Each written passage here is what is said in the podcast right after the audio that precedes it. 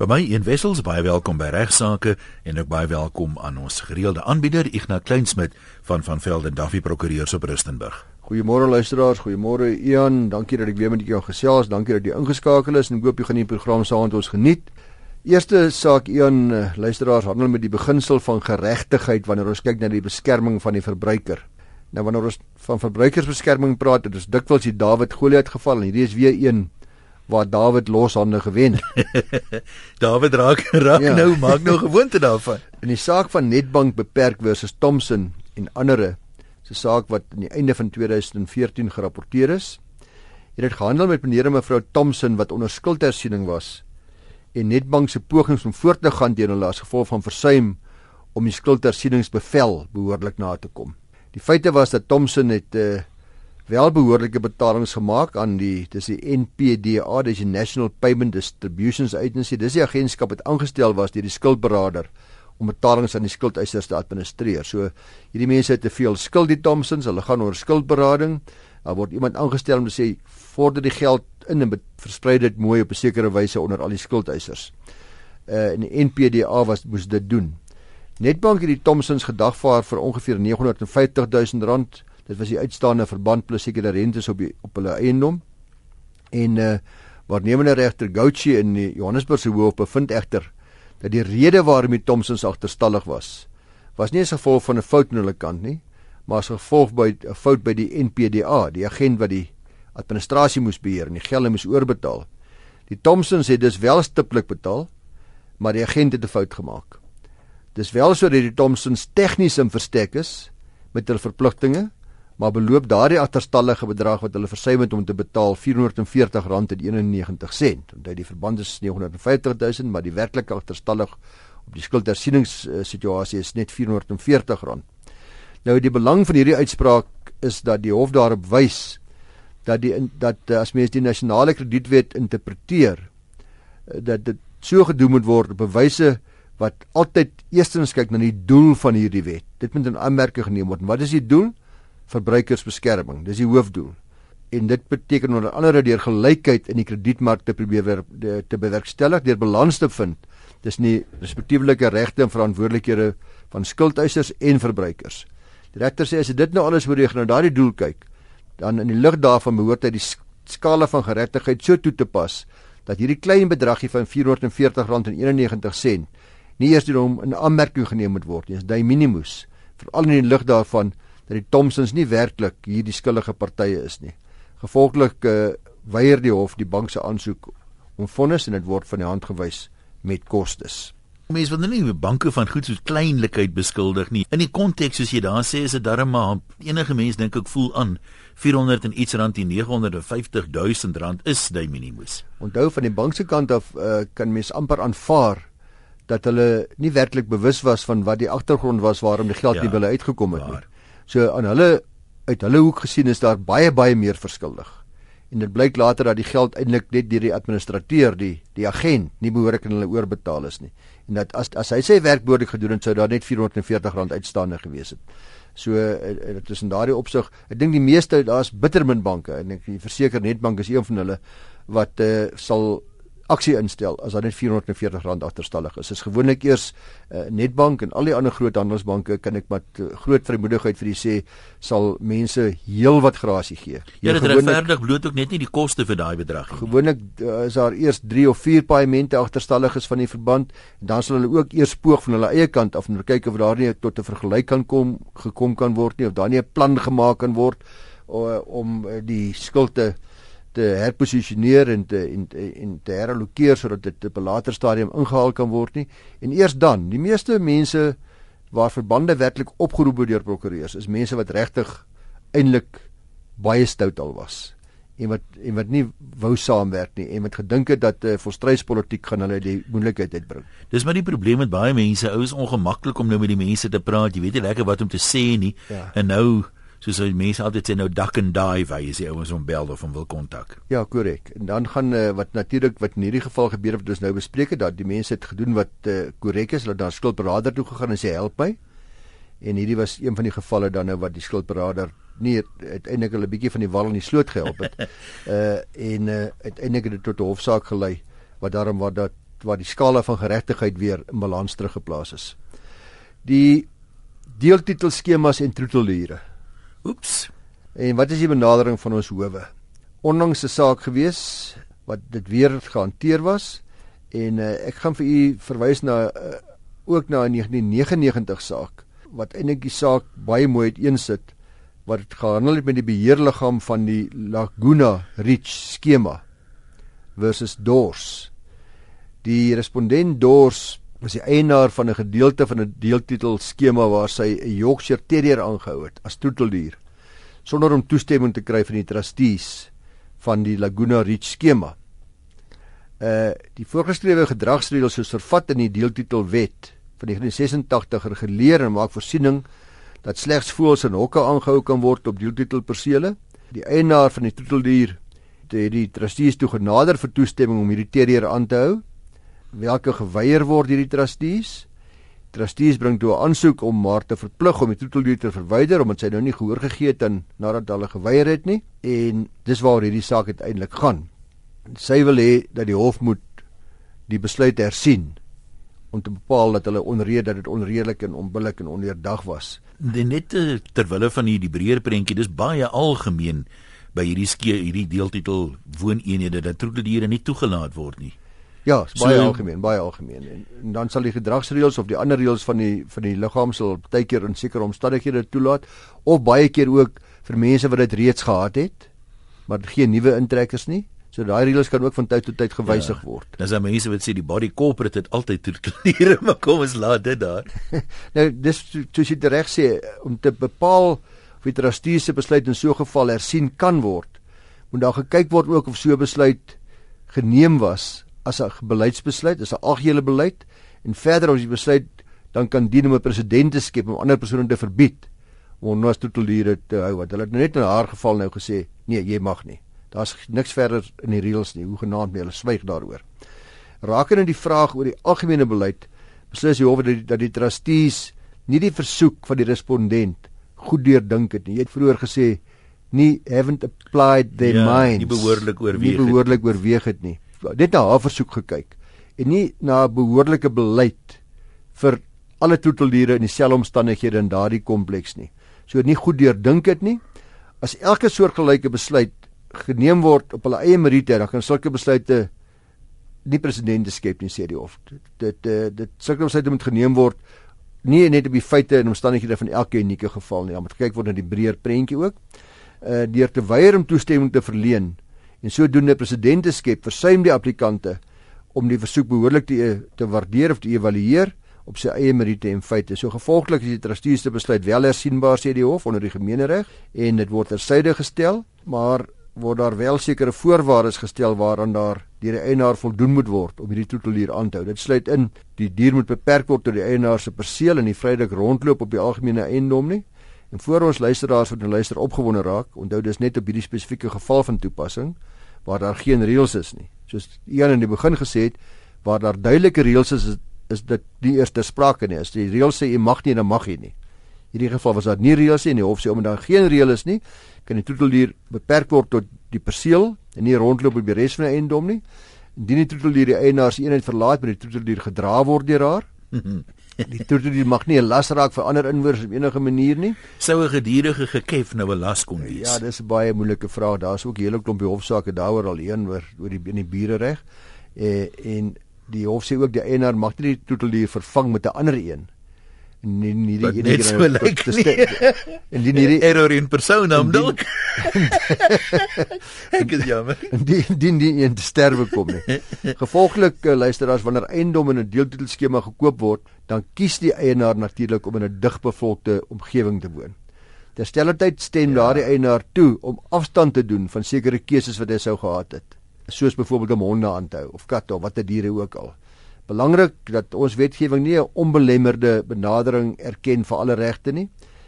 Uh, een van hierdie gevalle sal wees waar jy vrye wil kies om te gaan na 'n deeltitel skema toe waar dit duidelik aan jou in die reëls uitgespel word dat jy die troeteldiere mag aanhou nie, dan is jy daaraan gebonde en of of waar daar 'n beperking is op hoeveel troeteldiere jy mag aanhou. Jy is daaraan gebonde. En as jy 'n eenheid koop binne 'n kompleks wat deel uitmaak van 'n deeltitel skema, uh, dan is jy kontraktueel gebind aan daardie gedragsreëls. As daar enige ander beperking gestel word en geen daaraan gehoor nie, dan moet u maar verstaan dat u dan die gevolge daarvan sal moet dra.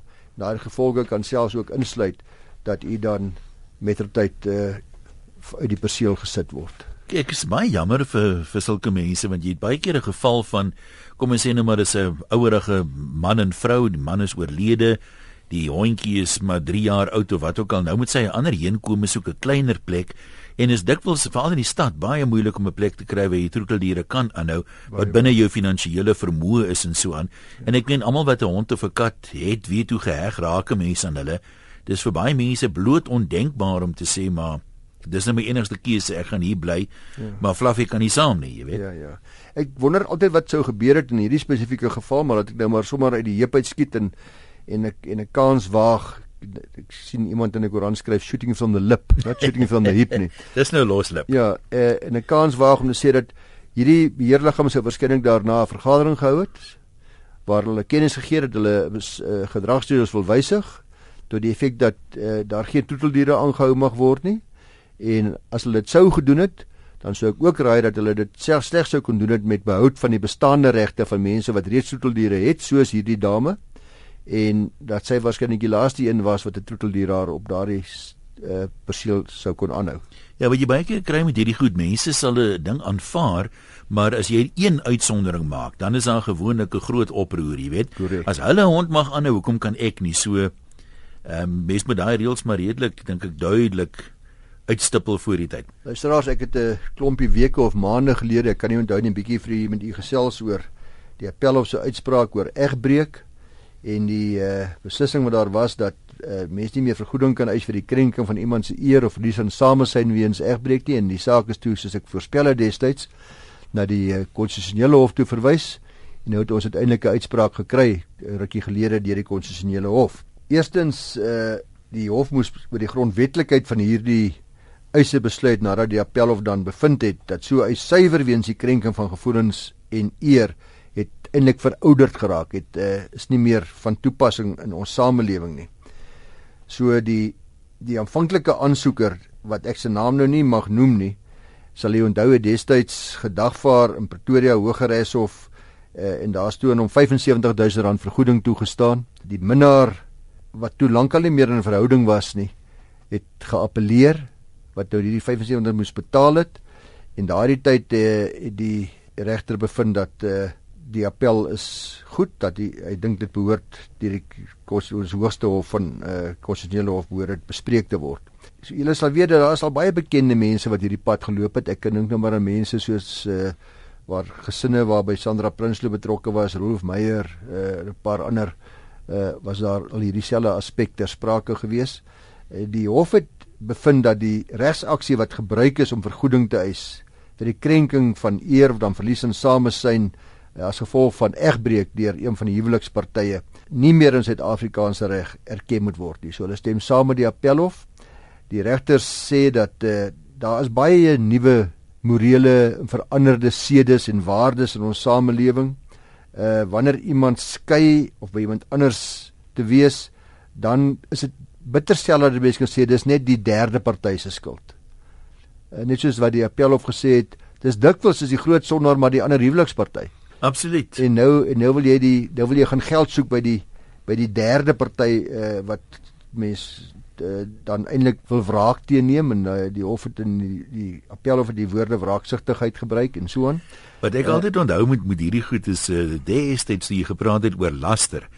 Toe jy die wyse woorde kwyt geraak dat alhoewel daar tegnies iemand belaster is, is dit baie selde 'n goeie oplossing om hof toe te gaan daarmee want jy is nou gekrenk in jou eer en alles wat daarmee saamgaan, maar die publisiteit vir alles dit hoë profiel mense ja. is en kyk kleiner gemeenskapies ken almal vir almal is om op die ou einde deur jou eie toe doen kom dit tot meer mense se kennis as aanvanklik en vryf jy eintlik sout in die wond. Absoluut so, jy hang dit aan die groot klok terwyl mense sou oor 3 jaar lank al van vergeet het en dan al wat hulle onthou is dat daar was egbreek geweest terwyl daar eintlik geen verdere gevolge is nie. En alwy al as net twee wenners in hierdie soort van sake kan ek jou verseker sê net soos in laster sake. Ja. En dis die prokureurs. Twee prokureurs. Uh, en ek sê dit sonder vrees vir teespraak want uh, meeste prokureurs sal hulle sal hulle kliënte ook waarsku teen hierdie. Maar daar's soveel emosie en soveel hartvogtigheid soms by kliënte dat hulle sê nee nie te staan in jou waarskuwing. Ek betaal liewers my ek gaan hierdie hy gaan nie meer wegkom nie. Ek gaan hierdie honder 'n les leer uh, en uh, dan nie dan moet jy maar jou plig doen as prokureur en vir die man sy regte verduidelik en dan dit tot by hof voer. Uh so in hierdie geval sê die regte Madlanga in sy uitspraak daar's 'n wêreldwye tendens om siviele eise vir egbreek stop te sit. Dis nie net in Suid-Afrika nie en dit sal onvanpas wees van ons howe om in te meng by die verbrokkeling van 'n huwelik omdat dit normaalweg veroorsaak is deur een van die eggenote self nie regter deur die derde party nie uh, deur die konsep van 'n vergoedingseis te ondersteun sal die sê die hof sal ook inbreuk gemaak word op die regte van 'n oorspelige gade en die derde party hulle het ook sekere regte so die uitspraak sê basies dat die huwelik uh, is 'n verbintenis tussen twee partye soos ons weet. Die huwelik berus nie op die voortbestaan van 'n vergoedingseis teen 'n derde party nie. Die huwelik berus op die verbintenis tussen my en my vrou, my en my gade. Uh en dit is ook wat die appelhof ook baie mooi uitgespel het. So luisteraars, uh, om dis op te som, eggenotes wat voel dat hulle eer gekrenk is omdat hulle wederhelfte hulle iemand anders verlaat het of hulle verneek het met iemand anderste, kan ongelukkig nie meer wraak neem of vergoeding kry in 'n hof nie. Ja, dit weerspieël ook maar net die gemeenskap se se norme, né, soos jy ons het nou 'n paar weke terug daaroor gepraat wat oor tyd verander en die hof moet uiting gee daaraan. Moet dit toepas. Dis korrek, dis korrek. Dan kom ons kyk 'n bietjie na die saak van tydelike noodbehuising wat nou 'n hele paar keer in ons howe bereg is oor die afgelope klompie maande. Hierdie geval was dit weer eens die Stadsraad van Johannesburg City of Johannesburg Metropolitan Municipality Hierdie is 'n 2015 uitspraak hier in Gauteng en die eisers was Mbata en verskeie ander. Die applikante en ander was inwoners van 'n informele nedersetting in Kliptown Soweto wat onder die vloedlyn hulle huise opgerig het. So hulle is gedurig getuister. Elke keer is dit so hartseer as jy sien hoe die mense se huise wegspoel en alles. Gedurig getuister deur vloede in die reenseisoen oor die jare wat hulle daar gewoon het. Toe weer nou onlangs in Desember 2014 na so 'n vloed bring hulle 'n dringende aansoek in die Hoë Hof hier uh, waar by die stad van Johannesburg gevra word om aan hulle tydelike behuising te verskaf. Die stad van Johannesburg het aangebied om hulle tydelik in 'n stadsaal te huisves en uh, die inwoners vind dit onaanvaarbaar. Hulle sê hulle kan nie in die stadsaal bly nie. Uh, Regter Moshidi, seun Moshidi bevind dat hierdie dringende aansoek met kostes moet slaag en hy beveel die stadsraad van Johannesburg uh om vir die inwoners tydelike noodbehuising anders as die stad sal binne 7 dae te voorsien. Die hof sê dat deur inwoners tydelik in 'n stadsaal te huisves, dit maak inbreuk op verskeie van hulle grondwetlike regte: privaatheid, vryheid, sekuriteit, waardigheid ensovoorts. Uh die hof noem pertinent dat die regte van kinders soos wat ons in artikel 28 wat ek al baie met u bespreek het van die grondwet in ag neem.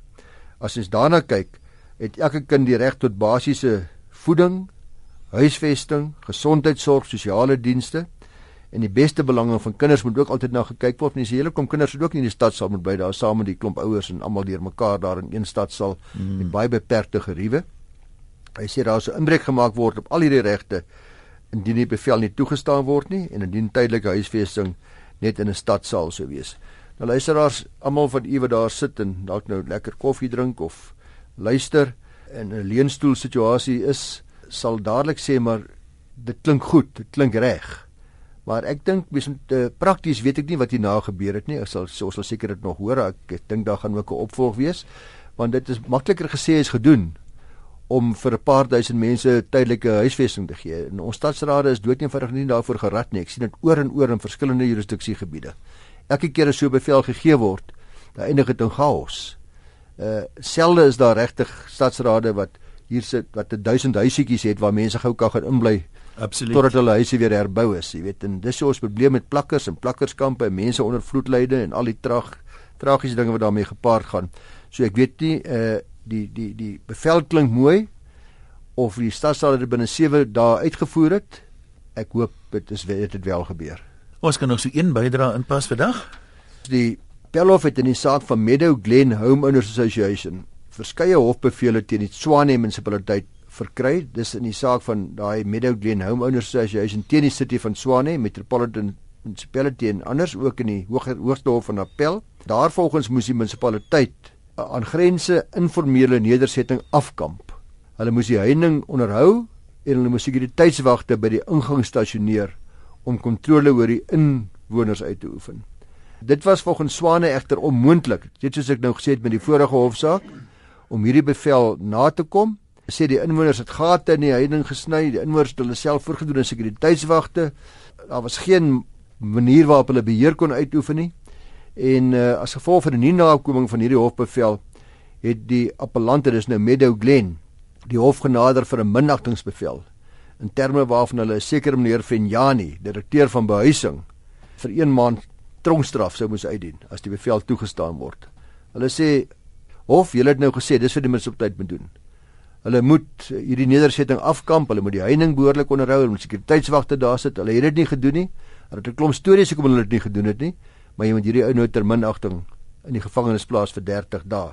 Tydens die appelhofsaak het die hof bevind dat indien Swane besef het dat hulle nie so bevel sou kon uitoefen nie, omdat dit moeilik is of selfs onmoontlik was, dalk net soos in die vorige een wat hulle 7 dae moet mense in huise sit.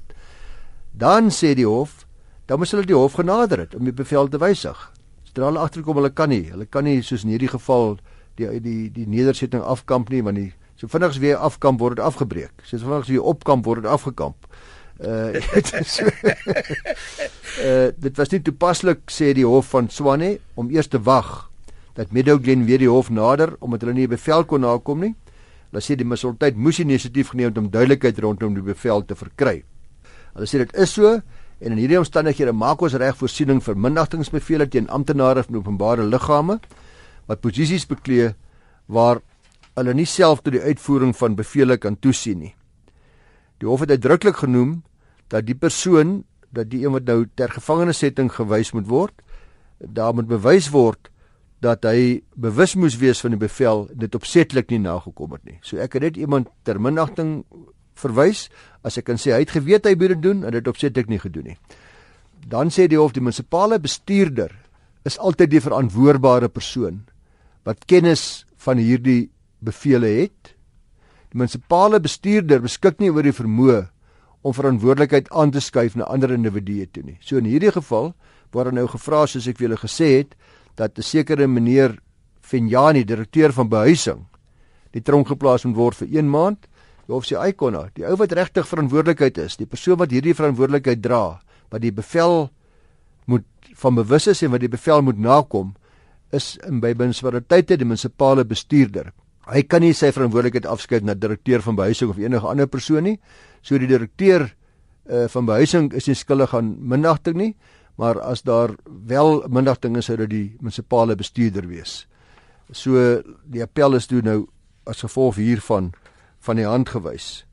Ek gou net vir twee stukkies vinnig lees uh, die hofsaak self. There was no basis in the African law for orders for contempt of court to be made against officials of public bodies nominated or deployed for that purpose. We were not themselves personally responsible for the willful default in complying with a court order that lay at the heart of a contempt proceedings. It had to be clear, beyond reasonable doubt, that the officials in question was the person who had willfully and with knowledge of the court order failed to comply. Dan sê the municipal manager was, so far as the officials of a municipality were concerned, the responsible person tasked with overseeing the implementation of court orders against the municipality. The municipal manager would know, as the accounting officer, what was feasible and what was not. The municipal manager could not pass responsibility for those administrative duties to a manager or director who was not directly accountable in terms of their duties. The court added obiter bygevoeg uh, dat terwyl sekere politieke amptdraers ook skuldig kan wees aan minagting van die hof, was dit nie op hierdie stadium nodig om na daardie aspek te kyk nie. So luisteraars, uh, die van u wat prokureurs is wat luister of wat uh, dink dat sekere amptenare dalk in die gevangenis geplaas moet word omdat hulle nie doen wat hulle behoort te doen nie en nie 'n hofbevele voldoen nie, moet in die aansoek dan telkens die munisipale bestuurder vra dat hy ter minagting verwys word. Dis dit, dis alwaar ons gaan eh, tyd hê. Onthou voorstelle vir onderwerpe igna by 44d.co.za. Dankie Igna en dankie aan die Prokureursorde van Suid-Afrika wat die program moontlik maak.